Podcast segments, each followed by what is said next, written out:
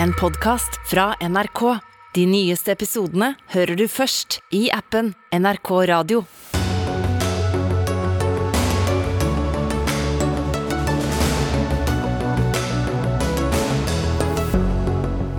Russlands angrep på ukrainske byer fordømmes fra flere hold. Putin bekrefter at missilene kommer som svar på ødeleggelsen av broen mellom Russland og Krim. Store sykehus i Norge går med flere hundre millioner kroner i underskudd. Kuttene kommer til å ramme pasientene, advarer Yngre legers forening. ABC Nyheter boikotter fotball-VM i Qatar og er overrasket over at ikke flere gjør det samme. Boikott er ikke noe VG skal drive med, sier lederen av VG-sporten. Og Harald Eia og Tore Sagen får kritikk etter en podkastepisode om ME. De stigmatiserer og mobber, mener en ME-pasient. Ny uke, nytt Dagsnytt 18, hvor vi også spør om det egentlig er noe vits i å gå til psykolog. I studio, Sigrid Solund. Nato, FN og EU fordømmer alle Russlands omfattende angrep på Ukraina i dag tidlig. 75 eh, missiler ble avfyrt og traff flere ukrainske byer, bl.a. hovedstaden Kyiv. Gro Holm, NRKs korrespondent i Moskva, hva sier Putin selv om hvorfor Russland angriper akkurat disse målene? Jo, Russlands president sa i dag at dette var et helt nødvendig svar på det han kaller eh, Ukrainas terroraksjon mot Kertsjbroa natt til lørdag. Eh, og han sier at hvis ikke hvis det gjentar seg lignende aksjoner mot russisk territorium, så vil han svare med enda hardere lut. Og I første omgang så er det altså energi, eh, energiinstallasjoner, eh, militære kontrollposter som man sier, eller kontrollstasjoner, og eh, infrastruktur som er blitt angrepet. Og Det er interessant, for de har ikke i stor grad angrepet veier og jernbaneknutepunkt denne gangen. Det er altså energitilførselen, og det er eh, trolig egnet til å skremme, eller ment å skulle skremme, den ukrainske befolkningen. Det nærmer seg vinter, og flere byer i Ukraina nå i dag melder om at de er helt eller delvis strømløse. Hva er andre reaksjoner på disse angrepene? Ja, eh, Nestlederen i Det nasjonale sikkerhetsrådet her, og tidligere både president og statsminister Dmitrij Medvedev, sier at det er helt nødvendig å demontere regimet i Kiev for at Russland skal føle seg trygg. Han tar med andre ord til orde for en regimeendring, og mener at det må være, eh, det må være målet til Russland. Eh, de fleste andre reaksjoner er også helt, fullt, eh, helt og fullt støttende til, eh, til, dagens angrep på Ukraina. Og de som mener noe annet, de tror jeg stort sett holder kjeft. De sier ikke noe. Det er klart at f.eks. de som vant Nobels fredspris her eh, like før helgen, Memorial, mener noe annet, men de ytrer seg ikke nå. Nå er det de som støtter aksjonen. Og flere, bl.a. nestlederen i utenrikskomiteen i Dumaen, sier at dette var på tide, burde ha skjedd for lenge siden. Bli med oss videre, Gro Holm. Vi har flere mennesker med oss her i studio. Geir Hagen Karlsen, du er oberstløytnant og hovedlærer ved Forsvarets høgskole. Hva sier det deg at Russland gjør det de nå gjør? For meg så er det et tegn på svakhet, og at Russland har svært få alternativer som de kan gjennomføre nå. Eh, de står fast eller går bakover på bakken stort sett. Eh, og Da står de igjen med å skyte disse missilene som i liten grad treffer militære mål. Litt vanskelig å bedømme nøyaktig nå umiddelbart etterpå, men eh, mye av det de skyter med er eldre missiler med liten presisjon.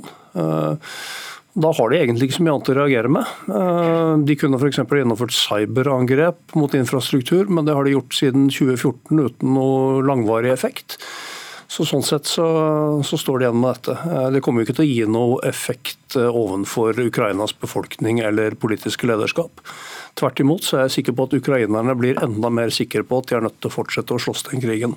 Men Hva kan da være strategien bak? Hva er det de ønsker å oppnå? Jeg tror russerne hadde som mål og håp at de skulle klare å skremme ukrainerne. Det tror jeg ikke de lykkes med. Eh, og så kan det være at eh, siden de ikke har noen andre alternativer, så må de gjøre noe som gjør at presidenten viser eh, handlekraft. Om ikke annet så kan det kanskje ha en viss effekt internt i Russland. Og De har jo mer enn nok problemer med å mobilisere og sikre støtte internt, så det i seg selv kan jo være et argument. Hvordan kan ukrainerne forsvare seg? Hva slags muligheter har de til å forsvare seg mot angrep fra lufta? på den måten? Nei, De siste tallene jeg så, så hadde de skutt ned 41 av 75 missiler. Eh, men de vil nok nå fortsette å be om mer avansert eh, luftvern. Eh, amerikanerne har jo annonsert at de skal gi norskprodusert NASAMS luftvern, som er noe av det mest avanserte som, som finnes i verden. Men det er også en tanke for oss selv da, at vi har jo svært lite luftvern for å beskytte våre egne militære avdelinger, og ikke noe for å beskytte f.eks. Oslo eller andre viktige byer. Så, så dette er en stor utfordring. Og en litt annen debatt, men uh, den kan vi gjerne ta en dag. Jan Egeland, du er generalsekretær i Flyktninghjelpen. Dere har besluttet å, i hvert fall i dag, sette operasjonen i Ukraina på vent. Det ble rett og slett for farlig. Hva sier deres ansatte om det som skjer nå? Ja, Vi har 150 hjelpearbeidere nå på bakken, eh, og, vi har eh, folk konsentrert mye i, de byene som ble hardest rammet i dag, eh, i Kiev, i Dnipr, i eh, Lviv, i Ternopil, i Kharkiv. Og det, Dette angrepet kom da folk var på vei til jobben. Eh, da de var, de, våre ukrainske ansatte sendte barna sine på skolen. Så det hadde en, en veldig effekt av å spre frykt og terror i byer som har vært helt fredelige nå, i månedsvis. Jeg har selv vært i Kiev eh, tidligere år etter angrepet, og da var jo folk på vei tilbake fordi de følte det var trygt i, i Kiev. Ja, for Vi hører at kanskje det kan styrke kampmoralen, men hva med hos dem som ikke skal kjempe, men som bare skal prøve å leve? Altså, jeg tror uh, Ukrainerne de føler de er i en, eksistensiell kamp. Så det er jo ingen tvil om at uh, de føler at det er ikke noe alternativ til å fortsette å slåss. Samtidig som de ser veldig svart på denne vinteren som kommer. En av de tingene som gjør at det er så bittert at vi måtte Vi mistet en, en hel dag i dag i en kjempeoperasjon. Vi skal nå ut til mange hundre tusen med hjelp før vinteren kommer. I november er det minusgrader i, i november. Så, så, det at de slår ut elektrisitetsforsyningen i by etter by, vannforsyningen i flere av disse byene, en, det sprer veldig frykt. Ikke minst blant de millionene av fordrevne. Altså Det er millioner av mennesker som er fordrevet fra sine hjem, men som fortsatt er i Ukraina. For en Moskva også, Jan Groholm? Ja, eh, jeg tenkte jeg skulle bare spille inn at dette at det skjer akkurat nå et så massivt angrep, jeg tror ikke bare det har å gjøre med eh, eksplosjonen på Kertsjbrua. Russland har fått en ny militær øverstkommanderende, Sergej Sirovikin, like før helgen. Han kommer fra eh, luftvåpenet, og jeg tror også han har, han har behov for å vise at han gjør noe nytt. Han har behov for å vise handlekraft. Det er altså ikke bare Putin dette dreier seg om, men, men på en måte å, statuere at nå skjer det noe som ikke har skjedd på veldig lenge, nemlig et massivt eh, luftangrep eh, både fra, fra, lufta, jorda og sjøen eh, mot mange, mange mål i Ukraina samtidig. Vi tror jo at russernes strategi nå er å legge også press på Vesten uh, for å prøve å lage så mye økonomiske og sosiale problemer som det er med høye energipriser. Og det er som Egeland er inne på her, Hvis vi nå i tillegg får en mye større flyktningbølge fra Ukraina, så vil jo selvfølgelig det også legge mer press på Vesten. Det er for øvrig en strategi som vi skal være veldig forberedt på å håndtere. Og Da passer det å ta inn deg også, Åsmund Aukrust.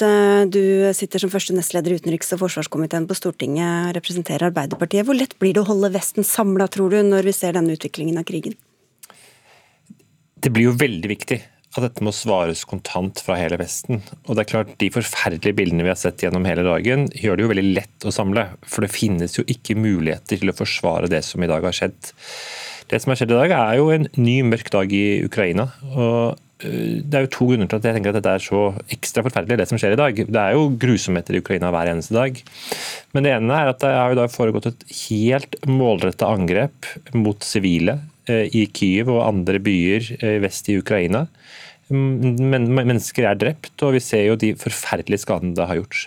Det andre er jo at det er jo helt riktig som Jan Eggeland sier, at dette har jo vært byer hvor det har vært ganske normalt. Jeg var i Kyiv for ca. en måneds tid siden. Og det er klart det er jo en by under krig, det er det jo ingen tvil om. Men da likevel så er det en form for normalitet der. Eh, hvor barna er ute og leker, hvor folk går på kafé. Men det er klart, det som kom i dag, gjør jo at det får en hel befolkning som nå går rundt med den dødsangsten hele tida. Hver gang en flyalarm går, eh, så kan man være redd for livet sitt. Jeg er helt enig i at kampmoralen tror jeg er veldig høy, men jeg tror ikke vi skal undervurdere hva dette gjør med et folk, å leve under den dødsangsten som vi nå vet at veldig mange flere mennesker kommer til å gjøre. Jeg tror eh, den russiske strategien kommer til å feile. Eh, og En av konsekvensene av dette kan jo være at Vestens vilje til å gi Ukraina mer militær støtte faktisk øker. Jeg var inne på luftvern i sted, men de har også ønska mer langtrekkende missiler og artilleri som kan, kan, rekke lenger inn mot russiske styrker. Eh, og Det vil jo være lettere og lettere å svare ja på jo, jo mer press de legger på både oss og også på sivile i Ukraina. Det tror jeg er helt riktig. Og jeg tror det at eh, Vi vil jo se at Vestens vilje til å stå opp for Ukraina ikke kommer til å forsvinne. Og Det er jo veldig viktig. Det er veldig viktig at vi som Europa ikke venner oss til at det er krig midt på kontinentet vårt. Vi må fortsette å støtte ukrainerne. og Norge støtter jo mye økonomisk, humanitært, men aller viktigst for ukrainerne er jo faktisk å forsvare seg med våpen. Eh, fordi at eh, vi ser hva slags forferdelige angrep de er under, og da må de ha muligheten til å forsvare seg sjøl. Men det skjer også andre ting. Groholm, Aleksandr Lukasjenko, presidenten i Belarus, sier at de vil utplassere felles styrker med Russland på grensen til Ukraina. Hvordan tolker du det? Det tror jeg først og fremst er styrker som vil være i beredskap for eventuell da bruk i den nordlige delen av Ukraina. Eh, russisk TV1 eller Asia1 sa her i dag at det vil bli sendt i hvert fall eh, minst 1000 russiske soldater dit, og så vil det da være vesentlig belarussiske belarusiske soldater. Jeg tror det blir en slags stående utrykningsstyrke som ikke umiddelbart settes inn i krigen, men det er klart at det er et signal. Det er en måte å true på, eh, og forsøke å si til Ukraina at dere er eh, omringet eh, fra flere kanter. Nå er også Belarus med oss. Og Det er også viktig å være klar over at her i, i Russland vet store deler av befolkningen ikke hva Russland faktisk gjør i Ukraina. Eh, det er fortsatt en del av historien her at ødeleggelsene en har sett i, i byer som Mariupol, Kharkiv, eh, likene i gatene i Butsja, det er det Ukraina som står bak. Belarus har hatt styrker på grensa til Ukraina nesten hele krigen. og Viktigste grunnen til det er å binde opp ukrainske soldater, sånn at de ikke har eh, muligheten til å flytte de lenger øst og sør og slåss med russerne. Hvis de skulle gå inn i krigen, så vil det sannsynligvis føre til store eh, demonstrasjoner og motstand i befolkningen, og potensielt også i eh, de militære styrkene i Belarus. Og Vi så jo at regimet sto på kanten av stupet etter valgfusk for to år siden, så det tror jeg setter svært, svært langt inne for, for Belarus. Jan Egeland, vi hørte viktigheten av at eh, andre land står sammen og at de bidrar militært. Hvordan opplever dere viljen til å bidra også humanitært inn i Ukraina? Ja, Den har vært stor, eh, og det er veldig viktig at eh, Norge har stilt store midler til disposisjon for hjelpearbeidet. Det er den operasjonen hvor, vi, hvor, også det norske folk har hjulpet oss mest. Men jeg tror et viktig poeng her er å være klar over for vestlige medier og kommentatorer er at dagens realiteter i de store millionbyene i det sentrale og vestlige Ukraina, det er daglige realiteter i Donbas, i Luhansk, i Donetsk, Mikolajev i sør, i Kherson osv. Hvor vi driver hovedvirksomheten vår. Der er, der er det angrep hver eneste dag. Og hvem bor der? massevis av, av eldre, pensjonister, enker, eh, funksjonshemmede som verken kan eller vil dra fra disse områdene. Så eh, vår solidaritet med mange millioner av krigstrette ukrainere må fortsette, sannsynligvis nå i årevis. Vi kan ikke gi opp. Åsmund Aukrust, eh, du nevnte drap på sivile i stad. Din partikollega utenriksminister Anniken Huitfeldt sier at angrepene kan være krigsforbrytelser. Hvorfor eh, tror dere det? Det som kjennetegner krigsforbrytelser, er jo at det er målretta mot sivile. At det ikke gjør noen forsøk på å beskytte sivile. Og Det er jo absolutt det dette ser ut som. At dette er et angrep for å skremme, for å skape frykt og redsel. Eh, og at det har da foregått midt i Kyiv-byen, men også andre byer eh, i Ukraina som har vært ikke hatt den samme formen for, for angrep som, som, Jan Egeland helt riktig sier, at det er i store deler av Ukraina hver eneste dag. Så dette må etterforskes. Og de som er ansvarlig for krigsforbrytelser, det er noe av det verste man kan gjøre mot menneskeheten. Å være ansvarlig for krigsforbrytelser. De må stå til ansvar for det. Både militært og de politiske lederne. Mm. Tor Inge Harbo, du er professor ved Institutt for rettsvitenskap ved Universitetet i Agder. Hvor tydelig er det å definere noe som, eller hvor lett er det å definere noe som en krigsforbrytelse eller ikke, midt oppi? Ja, ja, altså For det første, eh, det er helt klart at det finnes eh, regler om eh, hvordan stater skal gå frem i krig. Der det står det om i, folkeretten bl.a. er det en del konvensjoner på dette. Genévekonvensjonene kaller man gjerne det.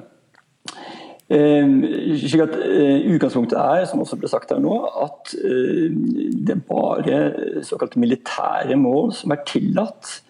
Altså det er begge sider, altså både til forsvar og til angrep. men også er sivile mål, alle, å rette militærskyts mot sivile mål, er forbudt. Men, og Det høres jo, eh, høres jo greit ut, men, men, det er mer komplisert enn som så. Og, og, det er klart Vi har også sett her at eh, heller ikke Putin vil åpent innrømme at han, han, sikter på sivile i dette tilfellet. her. Men det som gjør det problematisk her, er at at man kan jo si da, altså for første, Hva er militære mål? Eh, I dette tilfellet her så har, eh, så har det kommet fra russisk side. Forklaringen er at de har prøvd å sikte seg inn på forskjellige typer infrastruktur, energi, eh, kommunikasjon osv. Og, så og de definerer det da som, som, som militære mål. For den saks skyld, altså Terrorbombing kan jo også i prinsippet være et legitimt militært mål, for, i håp om da å å skremme befolkningen, slik at, slik at, de på en måte slutter å støtte da, i dette tilfellet de ukrainske eh, styrkene. Men, men, at, men, problemet er da, eh, i dette tilfellet her, er at eh, det skytes da, som nevnt tidligere her, altså fra lang avstand med missiler med, med liten presisjonskraft eh, inn i tettbebygde områder, altså byer. Eh, og, og da, eh, da, er det klart at her må det foretas en, en, avveining. Ja, hvis det er et militært mål der som skal skyte ut, så er det tillatt. Men det er klart at uh, de, de, dette må avveies da mot eventuelle konsekvenser. Okay. Altså Hvis det er for mange sivile uh, som eventuelt kan bli drept her, så, så, kan de ikke gjøre det. Du vil inn også, Geir Ågen Karlsen? Ja, bare for å fylle ut. Vi har jo det som kalles proporsjonalitetsprinsippet. Så hvis du skyter på et militært mål, Eh, og konsekvensene for sivile, eh, negative konsekvensene blir større enn den militære gevinsten, eh, så kan det potensielt være en krigsforbrytelse. Du kan liksom ikke skyte på en soldat i en menneskemengde og så treffe masse andre sivile rundt der. Og Det er veldig viktig her. De kan, de kan godt prøve å skyte på en fabrikk inne i, en by, ikke sant? men hvis du da rammer stort sett sivile fordi presisjonen på missilene er altfor lav, så er det potensielt en krigsforbrytelse. Og dette Forholdsmessighetsprinsippet er utrolig viktig her. for dette. Hvis man nå tar ut systematisk elektrisitetsforsyning og vannforsyning, så kan det godt være at en del soldater merker det, men sivilbefolkningen vil merke det mye, mye mer. Og Derfor er det etter mitt skjønn en krigsforbrytelse, hvis det har vært målet. Å mørklegge hele Ukraina. Hva sier du til det, Harbo? Jeg skal bare få inn Harbo først. Ja, ja altså for eksempel, altså Hvis man tar ut et um, Det er riktig det. altså hvis proporsjonalitetsprinsippet er, er, sentralt her. Eh, det er klart altså Forholdet mellom det militære mål man, man, skal ta ut av, og de eventuelle eh, altså følgeskadene for sivile dette får.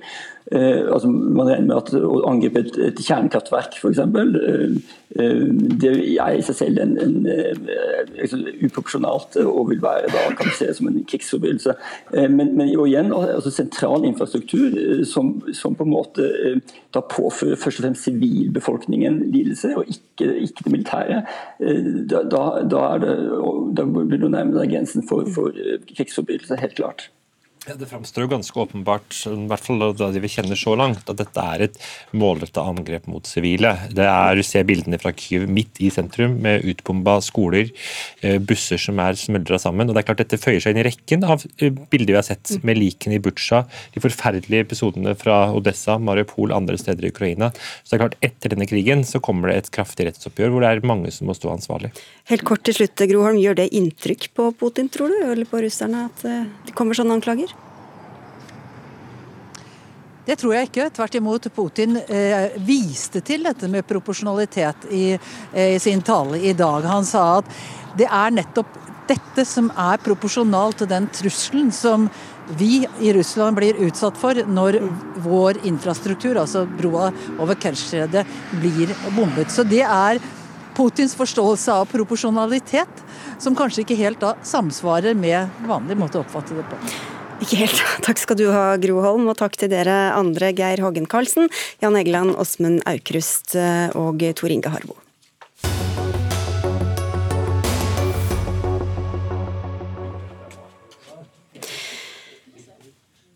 Store sykehus i Norge går med økonomiske underskudd, kunne vi høre i NRKs Nyhetsmorgen i dag. Økte priser og høye strømregninger har ført til at sykehusene må kutte i utgiftene.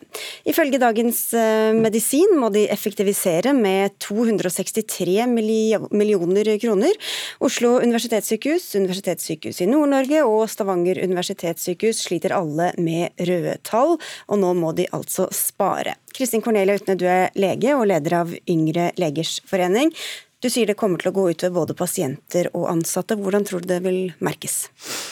Altså, vi må se på bakteppet her. Altså, vi har sykehus som over mange år har hatt sparetiltak. Det er veldig lite slekk i tjenesten. Vi har vært gjennom en ganske tøff periode med pandemi. Bakteppet er at det er ikke noe særlig å gå på. Så når man da får et budsjett hvor man ikke kompenseres for økte utgifter, så ender man opp med kutt. Og kuttene går direkte inn i pasientbehandling i form av at man får press på kortere liggetid, kortere konsultasjoner. Eh, all reisevirksomhet og kompetanseheving for ansatte blir ut, uh, utsatt. Og alt det her er jo ting som har kommet opp i drøftingsmøtene på sykehusene rundt om i landet nå.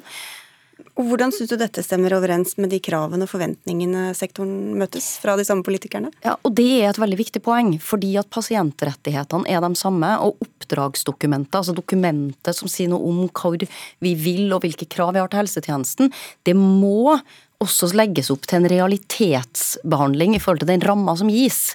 Og det er et viktig poeng. De skal levere minst like bra framover, men da med mye høyere utgifter. Ingvild Kjerkol, helse- og omsorgsminister, hvordan skal de klare det? Nei, det blir stramt, og det er ikke noe poeng for meg og regjeringa å fremstille det her sykehusbudsjettet som vi har lagt fram forslag om, som mer romslig enn det det er. Hvis det her hadde vært i et normalår, så hadde dette vært et eh, bra opplegg. Det ligger over snittet de siste åtte årene. Eh, vi må helt tilbake til 2016 for et eh, tilsvarende nivå. Men som det blir sagt her, så har sykehusene økte kostnader som følge av den enorme prisveksten som rammer alle sektorer. Så for meg er det viktig å gi et oppdrag sykehusene kan levere godt på. Og så skal òg Stortinget forhandle om dette budsjettet først, eh, selvfølgelig. Men jeg er enig i at vi må ha realistiske forventninger til hverandre. Så vil du senke forventningene til hva sykehusene skal levere framover, da? Eh, vi må diskutere at ikke alt er like viktig i en situasjon hvor det er stramt. Og det er stramt i alle sektorer. Eh, det er en eh, debatt som eh, jeg ønsker velkommen. Det har nok de regionale helseforetakene noen tanker om sjøl også. Men min forventning er at vi skal gi forsvarlige spesialisthelsetjenester til Norges befolkning også i 2023. Ja, og til det så er det jo sånn at de kutter altså Det er viktig med en diskusjon om prioritering, men akkurat nå så står vi i en krisesituasjon, og de kuttene som gjennomføres nå, det er, går direkte på kompetanseheving, det går på liggetid, det går på konsultasjoner. Det er det som kommer ut i tjenesten, ikke en overordna stor debatt om hvordan vi skal prioritere framover. Det er jo ikke sånn at hvert sykehus nå kan begynne å kutte i enkeltoperasjoner på eget, altså på eget, fra eget bryst. Dette er jo en større faglig debatt. Og nå trenger vi egentlig å sikre at sykehusene kan levere tjenester. Og det kommer vi ikke til å gjøre når man stopper innleie, og på samtidig si at vi skal ha redusert overtid. Ja, hva, skal, hva, mener du, Kjerkol, at de skal gutte? Ja, nå er ikke... Nedprioritere, da. Ja, um, til Utne så vil jeg vel si at eh, budsjettet er jo ikke vedtatt, og det er heller ikke gått noe oppdrag. Det skjer først i januar. Og det er klart Vi må ha samme virkelighet å forholde oss til. Fagfolkene ute i tjenesten som skal ivareta pasientene, og vi politikere som forventer at de skal gjøre den eh, oppgaven. Eh, min forgjenger han la fram ei liste med 17 behandlinger etter inspirasjon fra Storbritannia, som han kunne diskutere var overflødig. Vi er nødt til å ha realistiske realistiske forventninger til det oppdraget sykehusene skal gjøre, men det skal gis forsvarlige helsetjenester. Så hvis du ikke får drahjelp av SV i Stortinget, så må du komme med en tilsvarende kuttliste, da, eller? Eller nedprioriteringsliste? Jeg har lyst til å nyansere det litt, fordi vi har fire helseregioner som skal levere gode sykehustilbud til befolkningen vår. De står i litt ulike situasjoner. I Helse Nord har de over år gått med eh, dårlig økonomisk resultater. Der kommer det til å gå et eget oppdrag for å få kontroll på økonomien. fordi det er helt nødvendig for å kunne gjøre de gode prioriteringene når man skal ivareta pasientene. Og så er det andre helseregioner som allerede har varsla at eh, kompetanseheving det er det siste vi kutter. Så dette er en prosess mellom eh, jeg som oppdragsgiver, helseregionene, og hvor de også må involvere tillitsvalgte og fagfolkene som Utne representerer. Det kan slå litt ulikt ut, da. Bård Hoksrud, helse- og omsorgspolitisk talsperson for Frp på Stortinget, men du kaller det ansvarsfraskrivelse? Ja, definitivt. Dette er ikke sånn jeg opplevde Ingvild Kjerkol før når jeg var i opposisjon og satt på Stortinget. Da var det en eh, politiker som var veldig kritisk til helsebudsjettene, at det var lite penger der. Nå opplever jeg egentlig at vi har fått en helseminister som er en byråkrat, som prater som en byråkrat, og egentlig ikke vil ta ansvar for dette her. Dette er kjempealvorlig. Og så sier at kompetanse er nå det siste vi skal gjøre noe med, men man kutter altså i LIS 1 utdannelsen, det er det aller viktigste legespesialisering. legespesialisering. Det handler jo faktisk om å få flere fastleger. Dette er kjempealvorlig. Og så har man også sykehus som har gått med underskudd i år. Altså Vi har Haukeland sykehus 200 millioner, Helse Nord 440 millioner. Da blir det regjeringa har lagt på nå, med alle kostnadsvekstene som kommer, så er dette kjempealvorlig. Kommer til å gå utover pasientbehandlingen. Hva er det som er forskjell på dette og den ABE-reformen som du også sto for i regjering, hvor de også måtte kutte hvert eneste år? Jo, men det er jo et krav om at sykehusene må være effektive. Men, men det regjeringa nå gjør, at de sier f.eks. at innsatsstyrt finansiering, det som går på altså å få behandle flere pasienter, den reduserer man, og så putter man det inn på grunnfinansieringa, er det regjeringa sier. Og så skal de fjerne fritt behandlingsvalg, som også handler om pasientbehandling. og Det er det som er alvorlig for Fremskrittspartiet. Det er færre pasienter som kommer til å få behandling i 2023. Ja, Vi styrker grunnfinansieringa, og det gjør vi fordi at eh, sykehusene skal kunne ha et handlingsrom til å prioritere intensivkapasitet, disse basisfunksjonene som er viktige for beredskapen. Der eh, demper vi det som er den innsatsstyrte med 10% det ligger i vårt forslag. Og så vil jeg jo bare si til Bård Hoksrud vi har ikke stått i en tilsvarende prisvekst før. Eh, jeg gleder meg til å se Fremskrittspartiets alternative statsbudsjett, om det bidrar til økt prisvekst, eller om det bidrar til å kjøle ned prisveksten. Det kan du glede deg til, for det blir veldig mye bedre enn det for, du har lagt fram. For de første som rammes av økt eh, prisvekst, det er også velferdstjenestene våre.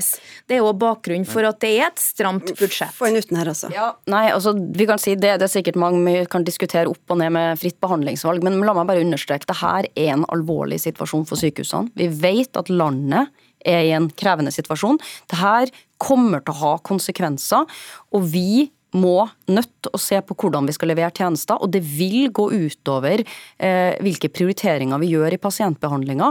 Og Det finnes sikkert ting vi ikke skal gjøre i sykehus i dag, men det er et politisk valg. Og det vi så under korona, var at vi hadde for dårlig beredskap i sykehus. Vi hadde manglende smittevernutstyr. Og det gjøres nå ingen grep for å løfte og ruste oss framover. Og de ansatte oss i en pressa situasjon i flere år, og vi er alvorlig bekymra for hvordan vi skal klare å gjennomføre oppdraget. Men hvis det er så forskjellig fra helse eller region til region, hvorfor ikke la det være opp til hvert enkelt sykehus da, hva de vil prioritere opp og hva de vil prioritere altså, ned? Det, altså, det, faglige, det man kan prioritere forskjellig, er jo sånn at hvilke kutt gjør man nå? Det er jo det vi snakker om her. Noen kutter i kompetanseutvikling, andre gjør det ikke. Det er ikke opp til hvert sykehus å velge hvilke faglige retningslinjer og hvilke lover i forhold til pasientrettigheter man har, eh, skal følge. Det er faktisk lovgiver som gir dem rettighetene, og i tillegg setter ytterligere krav som man rapporterer på. Lovgiver, det er deg, Bård Hoksrud. Vi må kanskje nedjustere forventningene litt, hører vi. Hva sier du til det? Ja, Med det regjeringa har lagt fram, så er det definitivt å nedjustere. Det kommer til å bli mer kø både for å få pasientbehandling på sykehusene. Vi har fastlege pleieordningen som er i full krise. Og så kommer man altså med, med, med et budsjett og ikke vilje til å prioritere. Jeg tror at Kjerkol har tapt kampen internt i regjeringa. For med de eh, ekstra, såkalte ekstrapengene her, så er det altså spist opp av underskudd. Det er spist opp av kostnads- og prisvekst, og da må man faktisk putte mer men penger og vilje til det. Dere vil ekstra til alt, dere da? Eller? Vi, nei, men helse er et prioritert område for Fremskrittspartiet. Der ønsker vi å styrke sykehusene. Vi ønsker å sørge for at pasientene skal få behandling, for det er billigere for samfunnet totalt sett enn at mange arbeidsdyktige mennesker står i en kø for å få behandling og må da betale sykepenger osv. Så, videre. så dette er viktig å prioritere opp. Vi har prioritert hardt i det her budsjettforslaget fra regjeringa. Vi har prioritert fastlegeordninga, som Bård Hoksrud nevner. Der vil jeg jo si at han burde se seg i speilet og de åtte foregående årene hvor han har støtta et statsbudsjett som ikke har løst den utfordringa.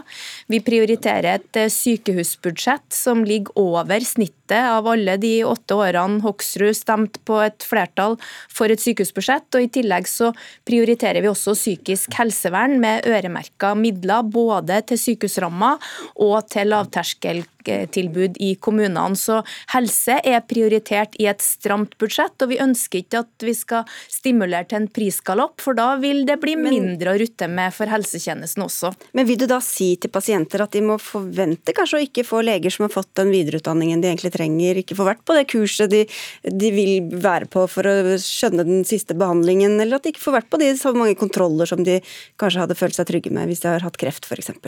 Vi skulle selvfølgelig ha tenkt ønska at vi hadde enda større rammer til den sektoren jeg har ansvar for. Dette er en prioritering som er eh, helhetlig, og det vil bli lyst ut eh, over 1000 LIS-stillinger også til neste år. Men noen pasienter kommer til å få dårligere behandling enn de vi vil, ville fått? Vi vil ikke ha samme takten på rekruttering av spesialister som vi ville hatt med et høyere antall LIS-1-stillinger. Det er ikke noe mål for meg å fremstille dette her som mer raust enn det er. Og prisene er nå som de er, Hoksrud, og det var det ikke i fjor eller forfjor eller året før? Vi var ikke det, og det var altså sånn at fastlegene, antall mennesker som har mista fastlegen sin, har økt med over 50 000 siden Ingvild Kjerkol ble statsråd. Ja, så det hjelper det ikke å si at man kommer 490 millioner. Vil at fastlegene ligge, nå var det sykehusene vi snakket om. Ja. men sykehusene er samme utfordringa i sykehusene, ikke sant? Det er det som er problemet. 150 000 mens du støtta statsbudsjettene. Ok, ok.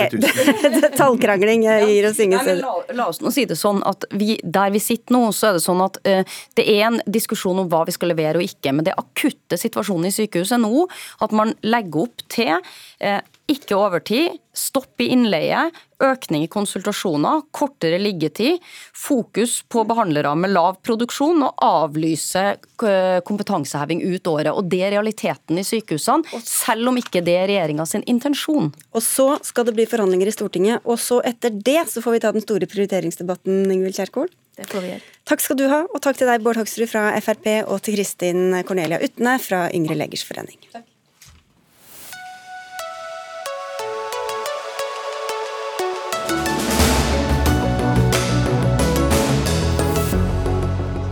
Så langt eh, halvveis i Dagsnytt 18, og om 20 minutter skal det handle om ME. For det er mange som har reagert på hvordan komikerne Tore Sagen og Harald Eia omtaler sykdommen i podkasten sin.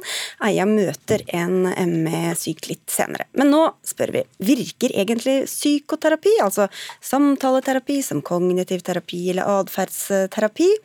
Det kan en spørre seg etter å ha sett eh, siste episode av TV-programmet Folkeopplysningen her på NRK.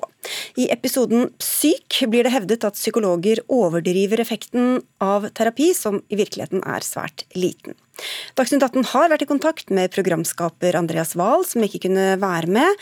Men Jan Ole Hesselberg, du er psykologspesialist og prosjektsjef i Stiftelsen DAM, som finansierer norsk helseforskning. Og du har tidligere vært en del av redaksjonen i Folkeopplysningen, det er du ikke nå lenger. Men du er med i dette programmet som en frittstående ekspert, og skriver i et Facebook-innlegg at du er helt enig i hovedpoengene i episoden, og hva er nå de? Eh, sånn jeg ser det, så er jo hovedpoenget at eh, det inntrykket man kan få av effekten av eh, samtalebehandling, er større, vesentlig større enn det den forskningen kanskje viser. Og Det gjelder ikke bare det som pasientene kanskje får inntrykk av gjennom mediene, men også det psykologer får lese gjennom forskningen på psykoterapi. Og det som formidles gjennom kursingen av norske psykologer når man tar ulike kurs innenfor ulike terapiretninger. og jeg mener Kanskje hovedårsaken er at eh, både forskere og de som tilbyr disse behandlingene, de har egeninteresser i at behandlingen fremstår som eh, spesielt god, og at vi i for liten grad klarer å filtrere og kontrollere for den egeninteressen. Hva vet vi om effekten av sånn type terapi? da? Nei, Det finnes ulike, ulike, studier av det. Det er litt vanskelig å forklare hvordan man skal beskrive en sånn effekt. Men en studie som også trekkes fram i Eh, i Folkeopplysningen er eh, en studie som, eh, som viser at man må gi omtrent fire, eller omtrent syv personer behandling for at én skal oppleve en betydelig bedring. Mm. Hanne Weiodli, du er professor i psykologi og har, er også psykologspesialist. Overskjeller dere hva psykologer egentlig kan bidra med? Mm. Jeg kjenner meg ikke helt enig i det bildet der, da. Eh, når jeg så på Folkeopplysningen, så tenkte jeg at det var, eh, at det var snarere en underselging. Uh, og at, at, det tegnes et veldig et uheldig bilde av at, av at terapi har altså at det skal ha dårlig effekt, og at vitenskapelig grunnlag er dårlig. Og det, det kjenner meg ikke igjen i. Det er, så det er, det, er, det er, riktig det at den NNT, som man sier, numbers needed to treat, eh, sju. At man må ha eh, syv stykker terapi for, å, for, at man skal oppnå at en skal bli bedre. At det er en, en siste én av de studiene man har som viser det.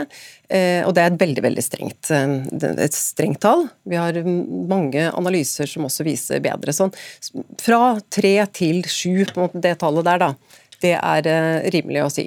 Men, er, og, men selv med en effekt med, med, med, syv, da, eh, så er ikke det dårlig.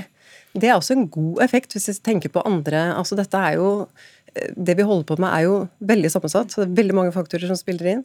Og hvis vi også sammenligner med medisinsk behandling og medisinske tilstander, så, så er ikke dette bildet noe, noe uheldig. Så Hesselberg, er det så, skal det være så mye strengere for dette enn for all mulig annen behandling? Nei, og jeg tror kanskje, jeg tror kanskje at eh, noe av diskusjonen her handler om hvordan man tolker de tallene, og hva man, hva man når, man, når, vi snakker om svært god effekt, som ble brukt i et av de innleggene som har kommet i kjølvannet av, eh, av Folkeopplysningen, så, så tenker vi behandlere og forskere kanskje på en måte, men, men altså de menneskene der ute som skal motta denne behandlingen, jeg lurer på hva de tenker når de hører svært god effekt, og den studien det vises til der, der er det sånn at selv om man legger det tallet til grunn, som, som, man kan eh, diskutere ganske kraftig, så er det sånn at hvis du hadde valgt en person fra den gruppen som fikk behandling, og en fra den gruppen som ikke fikk behandling, så er det fortsatt sånn at det er 30% sannsynlig at den som ikke fikk behandling, eh, hadde større effekt eller hadde større bedring.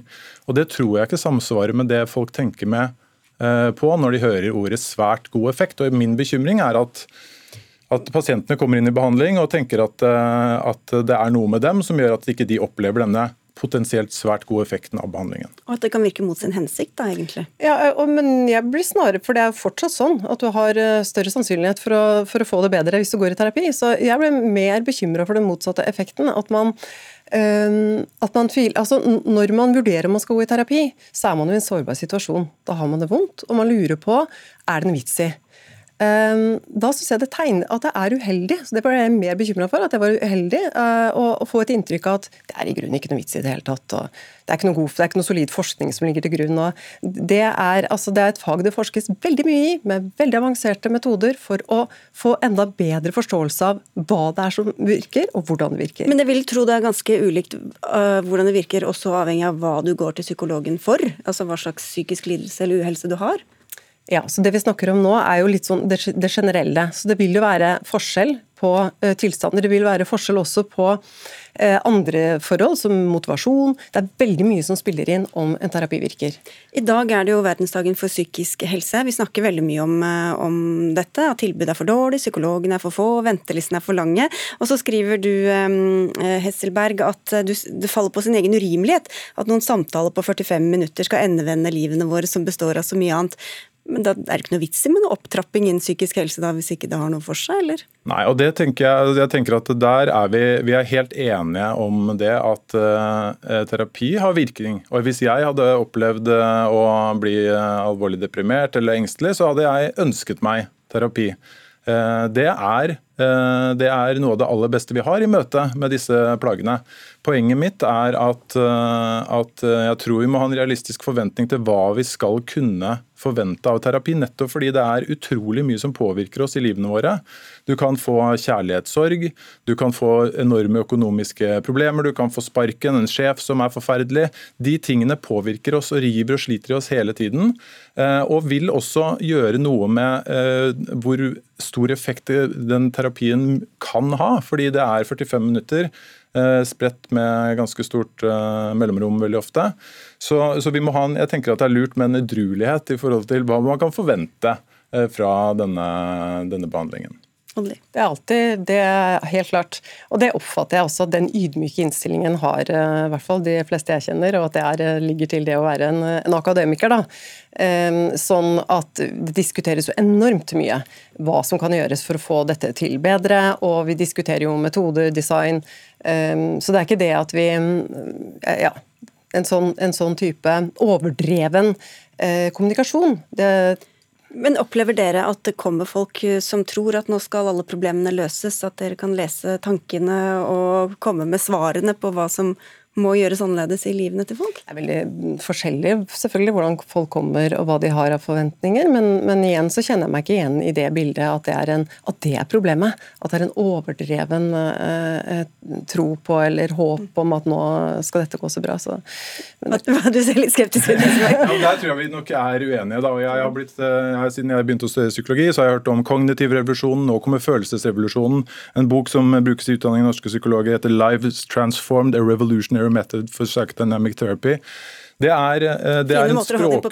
På, i hvert fall. Det er en språkurbruk som jeg tenker ikke hører, eh, hører hjemme innenfor eh, for faget vårt, og som i verste fall kan bidra til litt urealistiske forventninger. Og kanskje at man bruker også såre, altså, begrensede ressurser feil sted i helsevesenet.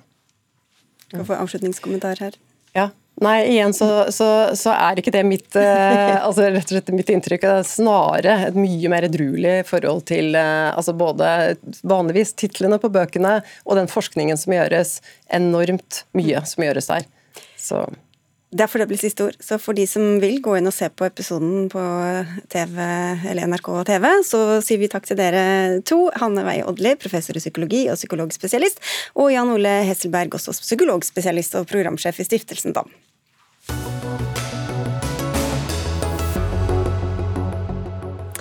Fotball-VM i Qatar rykker stadig nærmere. 20.11 braker det løs. Det er NRK og TV 2 som deler på rettighetene til å sende mesterskapet.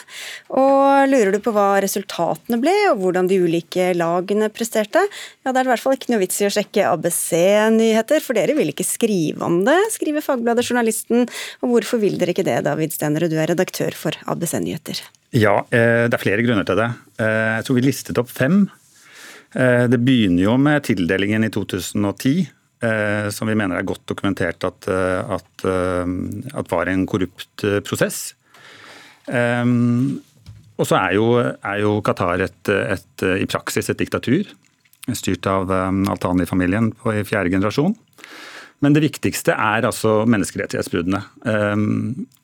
Lovgivningen av straff, straffene som, som er i praksis nei, i prinsippet eh, dødsstraff for homofili i, eh, i Qatar.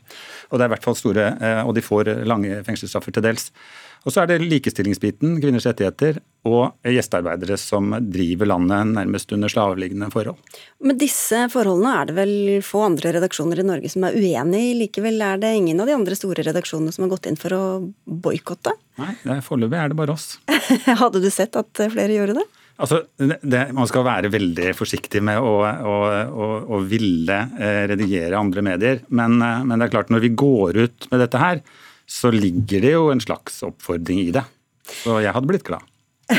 Leder for VG-sporten, Frode Buanes. Eh, du sa til oss før i dag at boikott er ikke noe dere skal drive med. Hvorfor ikke? Jeg vil jo først si at Vi respekterer liksom det valget som Stenerud og ABC Nyheter har gjort, men for oss er det er det ikke riktig måte. Vi er jo enig i det kritikkverdige forholdet som jeg tror de fleste norske medier stiller seg bak. Men det er noe med at vi eh, ønsker ikke å drive med boikott fordi vi vil lage uavhengig journalistikk, og vi ønsker ikke å bli en, en aktør eller drive med, med aktivisme. Og, og, Vårt fokus er jo å rapportere om det som skjer. Eh, og så er det klart, altså Både på og utenfor banen. og Når det gjelder sistnevnte, så har vi hatt selvfølgelig et særskilt ansvar i år. For det er masse grums her, både med, med, tildelingen og med behandling av gjestearbeidere og menneskerettigheter. Og det er vel vanskeligere å dokumentere når man ikke er der, Stenrud? Ja, nå er det jo ikke Det, det, er, det er, riktig. Eh, til dels. Nå er det jo sterke begrensninger som legges på de som drar ned dit også. Eh, men vi har jo ikke tatt en avgjørelse på at vi ikke vil, vil dekke VM bortsett fra det sportslige. Det er det sportslige ved boikotter, altså det resultatmessige. Så bare reagere bitte litt på en ting. Jeg mener ikke at det her er aktivisme.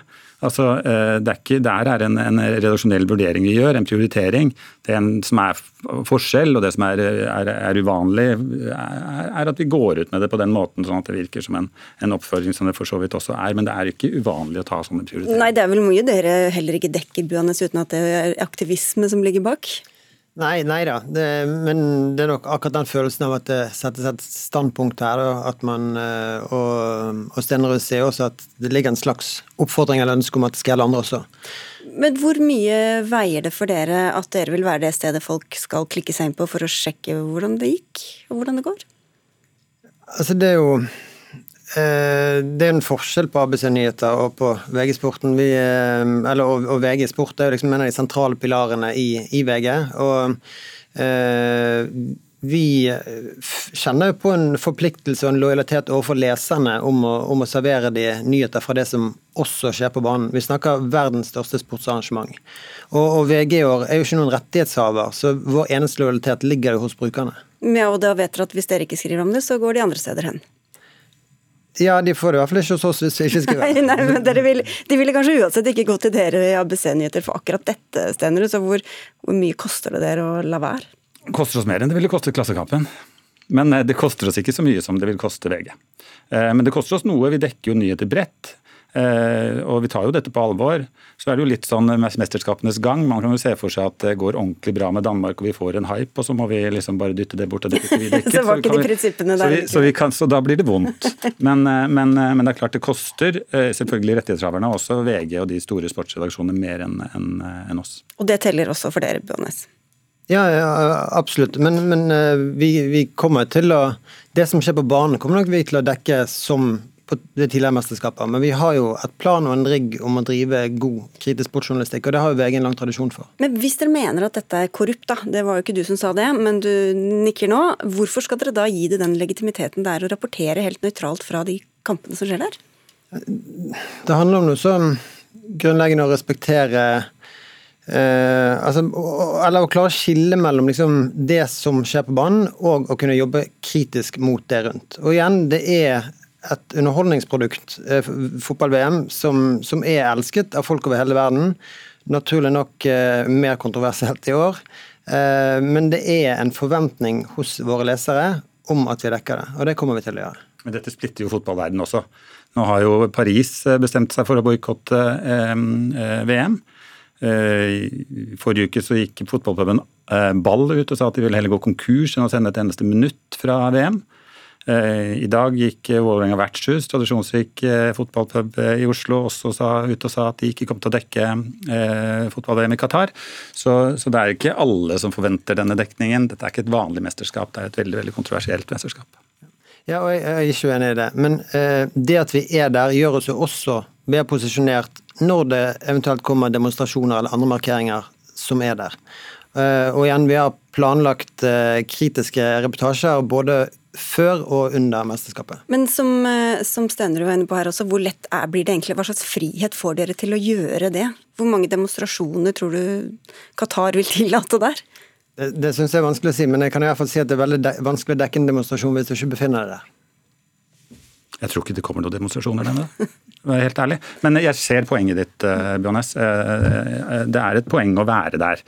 Eh, hvis man, skal, hvis, man skal, se hva som foregår. Og jeg stoler på at VG har en kritisk eh, holdning til, til sportsjournalistiet, til, til, VM, også om det utenomsportslige. Men, eh, men vi har nå tatt dette valget, og jeg, jeg, skulle ønske flere gjorde det. For jeg syns ikke Qatar-VM har legitimitet, og jeg syns ikke de fortjener den sportsvaskingen som, som det regimet her får nå. Vi får se om flere følger etter. Ikke dere i hvert fall i VG, hvor du er leder for sporten, Frode Buanes. Men takk skal du ha for at du kom og tok debatten, og takk til deg, David Stenerud, som er redaktør i ABC Nyheter.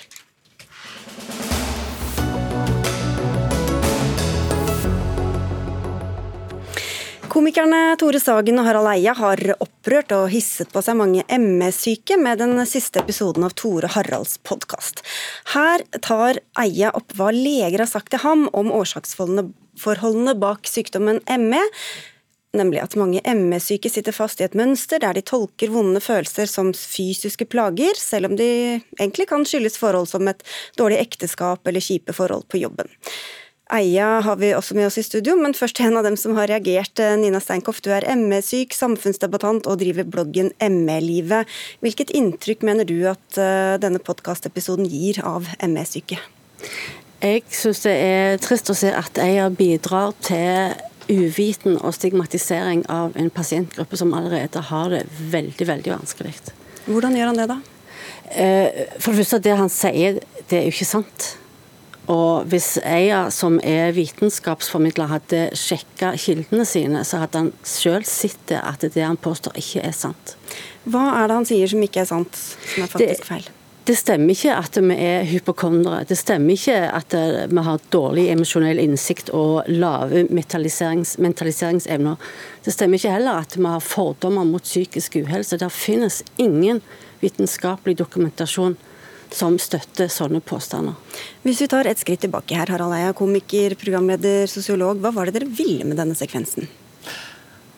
Altså, Vi laget underholdningsprogram, og jeg har jo en veldig stor svakhet i min sjel. Og det er at når jeg hører om at det er et eller annet fagfelt hvor det er noen synspunkter som er veldig kontroversielle, og ingen, mange ikke tør å snakke høyt om det, så må jeg komme inn på det. Jeg syns det er interessant og spennende, for jeg forstår nesten aldri hvorfor det er vanskelig å snakke om det. Så i dette tilfellet, vi har hatt en serie i vår podkast, i dette tilfellet så hadde jeg lest om at en del ME-forskere og behandlere de syns at det er ganske harde fronter. Så de tør ikke si høyt hva de tror, og sånne psykiske tilnærminger til det.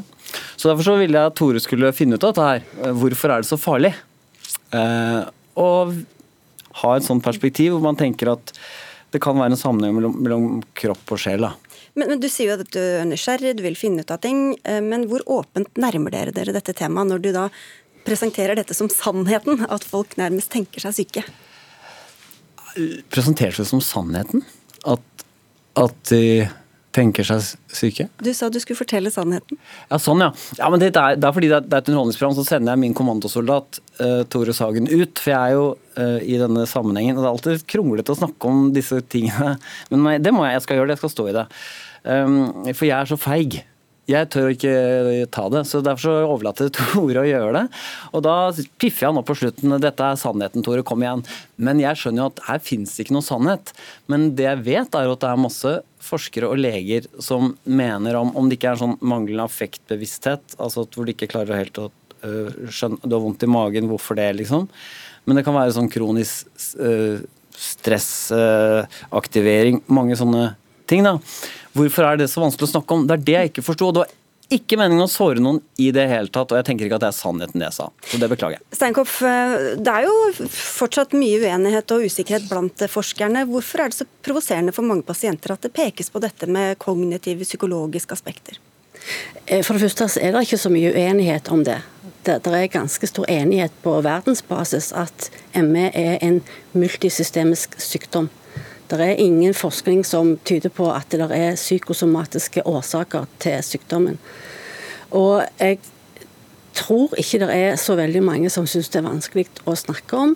Eh, litt av grunnen til at jeg reagerer på det som Eia presenterte som fakta, er at eh, dette er sånne eldgamle myter som har ført til at ME-pasienter ikke har blitt trodd. Det har ført til at vi har blitt behandla med metoder som har gjort oss sykere. Vi har ikke fått den hjelpen vi har trengt. Familier med ME-syke barn har blitt meldt til barnevernet. Og når Eia nå, som er medlem i kvinnehelseutvalget, drar fram disse gamle mytene, så tillegges hans ord mer vekt. Og Da bidrar det til at disse mytene lever videre, og det bidrar til fortsatt dårlig behandling av oss.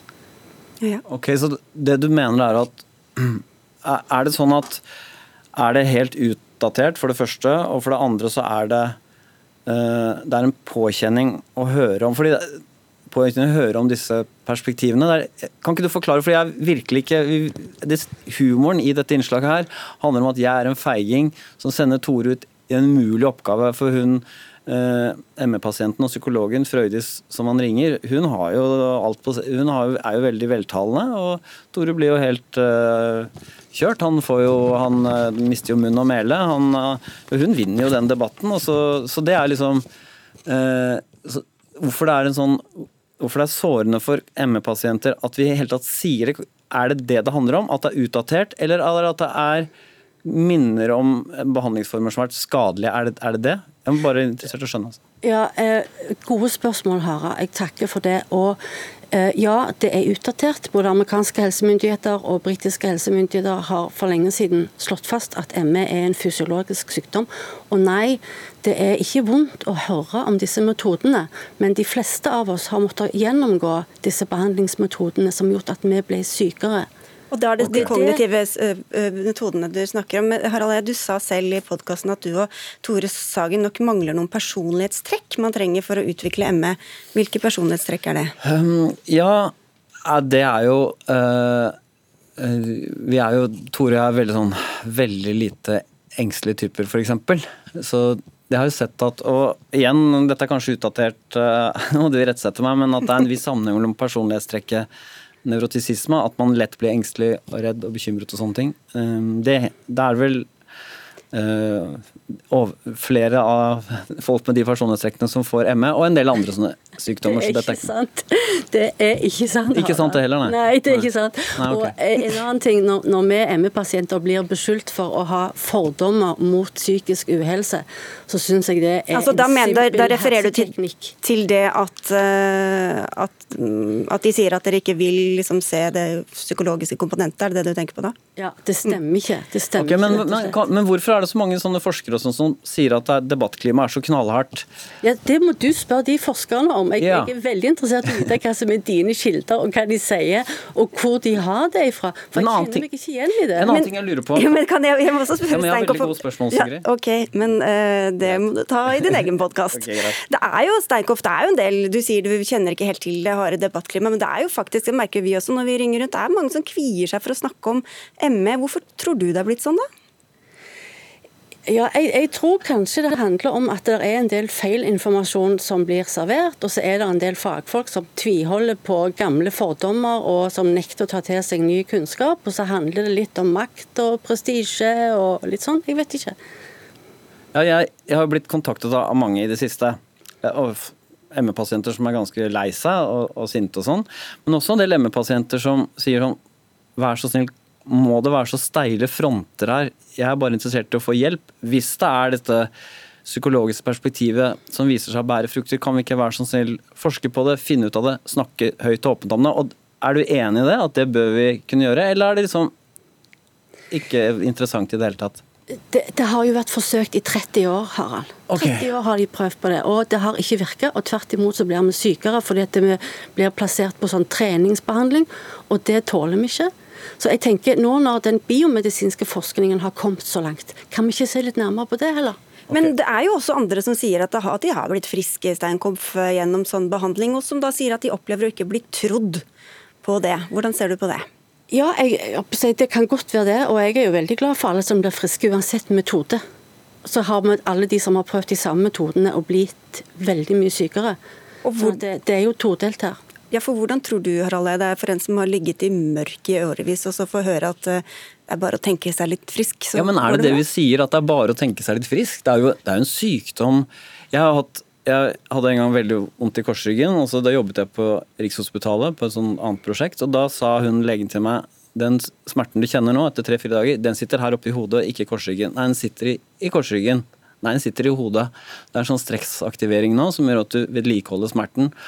Du må bare prøve å tenke at det ikke er noe, noe brusk som klemmes eller nerver og sånn, så funka jo det. Og det er ikke og det å si at det var bare å tenke seg frisk, det er ikke så lett. Det er jo veldig vanskelig. Det er det jeg ikke forstår. Det går så hopper så fort fra det er, sånn, er din egen feil og bare å tenke seg frisk. Men er det det sånn kognitiv terapi og hva det nå heter, handler om? Det, det, er, det er, ikke mitt inntrykk, da. Ja, Men du må ikke sammenligne stressaktivering med ME. Nei. Men det er jo ganske fremragende forskere sånn Han Brun Wyller f.eks. i Norge han er ganske anerkjent. Han hevder jo det synspunktet Jeg tror ikke vi skal gå inn på å evaluere alle forskerne. Okay. Da har vi Jeg bare lurer på om det er så entydig som du sier, da. Eh, jeg har dessverre jeg, som Jeg må innrømme, jeg er ikke ekspert på ME. Eh, Men eh, jeg, mitt inntrykk er at det er ikke så entydig som du beskriver det, at det er helt feid av banen. Vi Det- må avslutte. Beklager. sant? Vi har, vi har kjenneplaner, vet du, Harald Eia. Takk skal du ha for at du kom. Du sender meg den konvolutten du fikk. Da setter vi opp eh, kontaktlinjer mellom dere. Takk skal dere ha, Gro Arneberg, eh, Vegard Erstad og Sigrid Solund. Takker for følget, og ønsker en riktig fin kveld.